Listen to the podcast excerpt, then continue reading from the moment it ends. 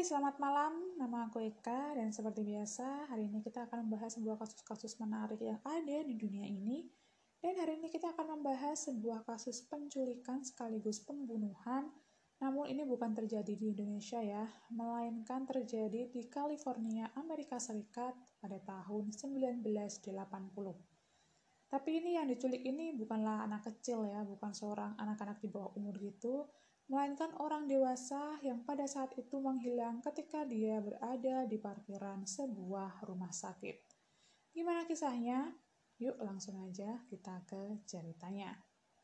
Dorothy Jane Scott menghilang pada tanggal 28 Mei 1980 di Anaheim, California setelah membawa dua rekan kerjanya ke rumah sakit, yang salah satu rekannya itu terserang gigitan laba-laba. Dorothy Jane Scott lahir pada tanggal 23 April 1948. Scott merupakan seorang ibu tunggal yang tinggal di Stanton, California bersama dengan bibi dan putranya, yang pada saat itu putranya berusia 4 tahun. Dia merupakan seorang sekretaris untuk dua toko yang berada di Anaheim. Salah satu toko menjual untuk manik-manik, dan satu toko menjual peralatan khusus untuk digunakan mengkonsumsi ganja ataupun tembakau gitu. Dan dia ini seorang yang religius ya, dia ini seorang Kristen yang taat, nggak pernah mabuk dan juga nggak pernah memakai narkoba.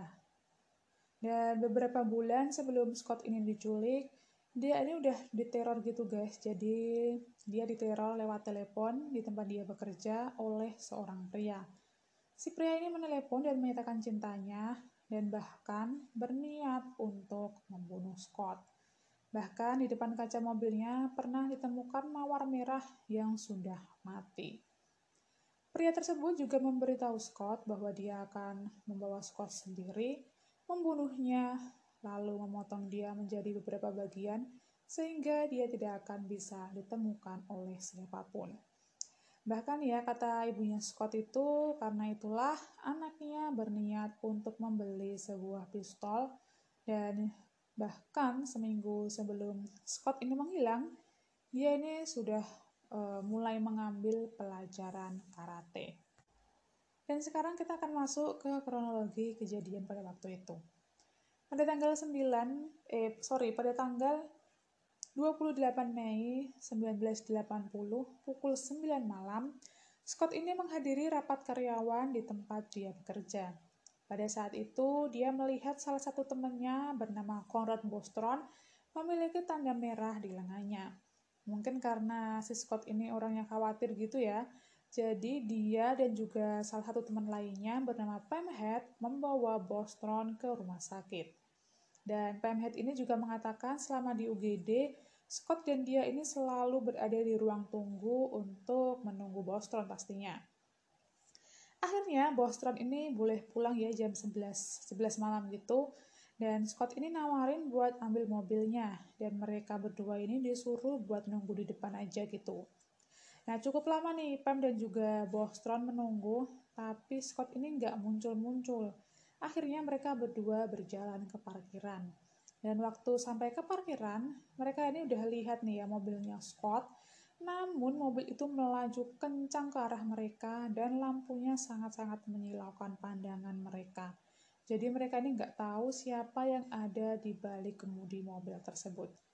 Pam dan juga Bostron pun melambaikan-lambaikan tangan dan mencoba untuk menarik perhatian Scott.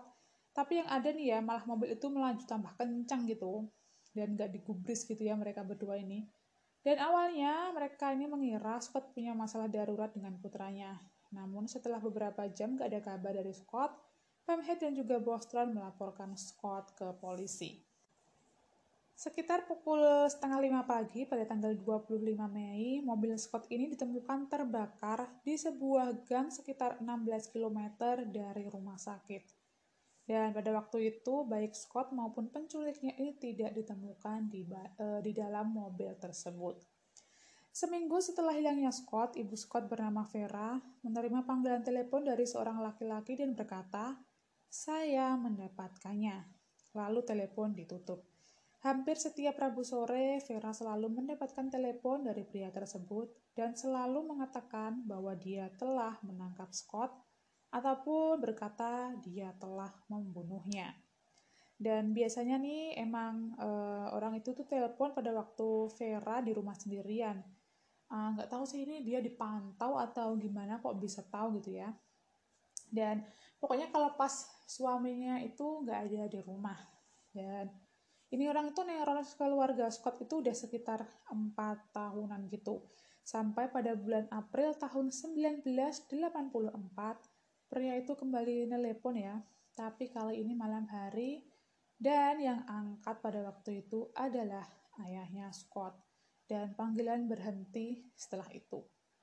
Mungkin mereka kali ini tuh kayak, uh, apa ya, yang angkat tuh bapaknya gitu, jadi dia langsung matiin gitu. Dan habis itu, oke okay deh. Dan habis itu ya polisi tentu aja ya memasang perekam suara di kediaman Scott biar kalau nih pria gila ini ya nelpon gitu polisi bisa langsung melacaknya. Namun nggak tahu ini orang pintar atau gimana ya. Dia itu kalau telepon ya seucap-ucap doang gitu, kayak nggak lama. Jadi kita tuh nggak pernah tahu gitu ya. Polisi juga nggak bisa uh, melacak panggilan tersebut karena cuman kayak cuman aku mendapatkannya, aku membunuhnya. Udah kayak gitu doang terus telepon dimatiin. Jadi polisi pun nggak bisa melacak panggilan tersebut. Lalu pada bulan Agustus 1984, Empat tahun setelah hilangnya Scott, akhirnya jasad Scott ditemukan. Seorang pekerja bangunan menemukan tulang anjing dan manusia berdampingan sekitar 10 meter dari Santa Ana Canyon Road. Tulang-tulang itu sebagian sudah hangus dan polisi meyakini tulang-tulang itu sudah ada di sana sekitar dua tahun. Dikarenakan dua tahun sebelumnya di sekitar wilayah itu telah terjadi kebakaran dan membakar semua yang ada di daerah itu. Dan di situ juga ditemukan sebuah cincin dan jam tangan ya, jam tangan berwarna biru kehijauan. Dan jam tersebut itu berhenti pada tanggal 29 Mei pukul 12.30 siang. Itu berarti sekitar, eh sorry, uh, 12.30 dini hari ya. Jadi itu sekitar satu jam setelah Scott menghilang.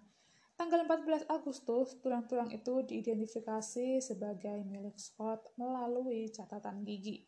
Otopsi juga tidak dapat menemukan penyebab kematian dan upacara kematian Scott dilakukan pada tanggal 22 Agustus 1984.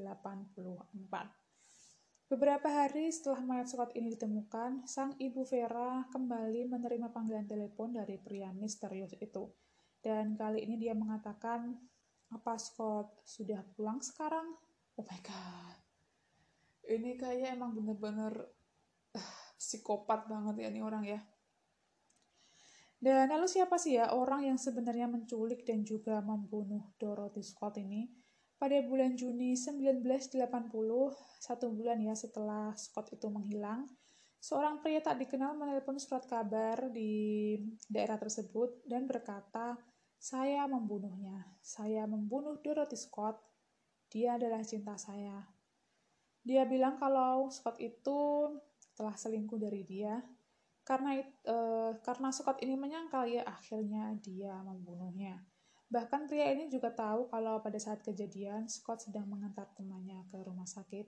Dia juga tahu pakaian yang dipakai Scott pada saat kejadian dan bilang Scott menghubungi dia ketika berada di rumah sakit. Walaupun yang terakhir ini disangkal oleh temannya Scott yang bernama Pam Head, karena Pam ini bilang ya selama di rumah sakit Scott itu dan Pam selalu bersama-sama dan nggak ada kayak uh, Scott itu nelpon seseorang gitu kayak nggak ada gitu.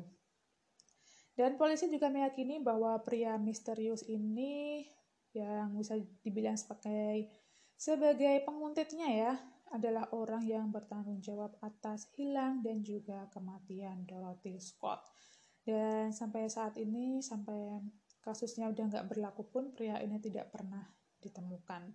Scott meninggal, tetapi tidak pernah ada dakwaan pada kasus ini. Dan itu sebuah kasus yang terjadi di California, Amerika pada tahun 1980. Dan semoga tidak pernah ada lagi ya kejadian-kejadian seperti ini yang menimpa siapa pun di dunia ini karena ini benar-benar tindakan yang sangat nggak manusiawi banget Dan sekian kasus kita hari ini, pembahasan kita hari ini. Sampai jumpa di kasus-kasus menarik lainnya. Selamat malam, sampai jumpa, bye bye.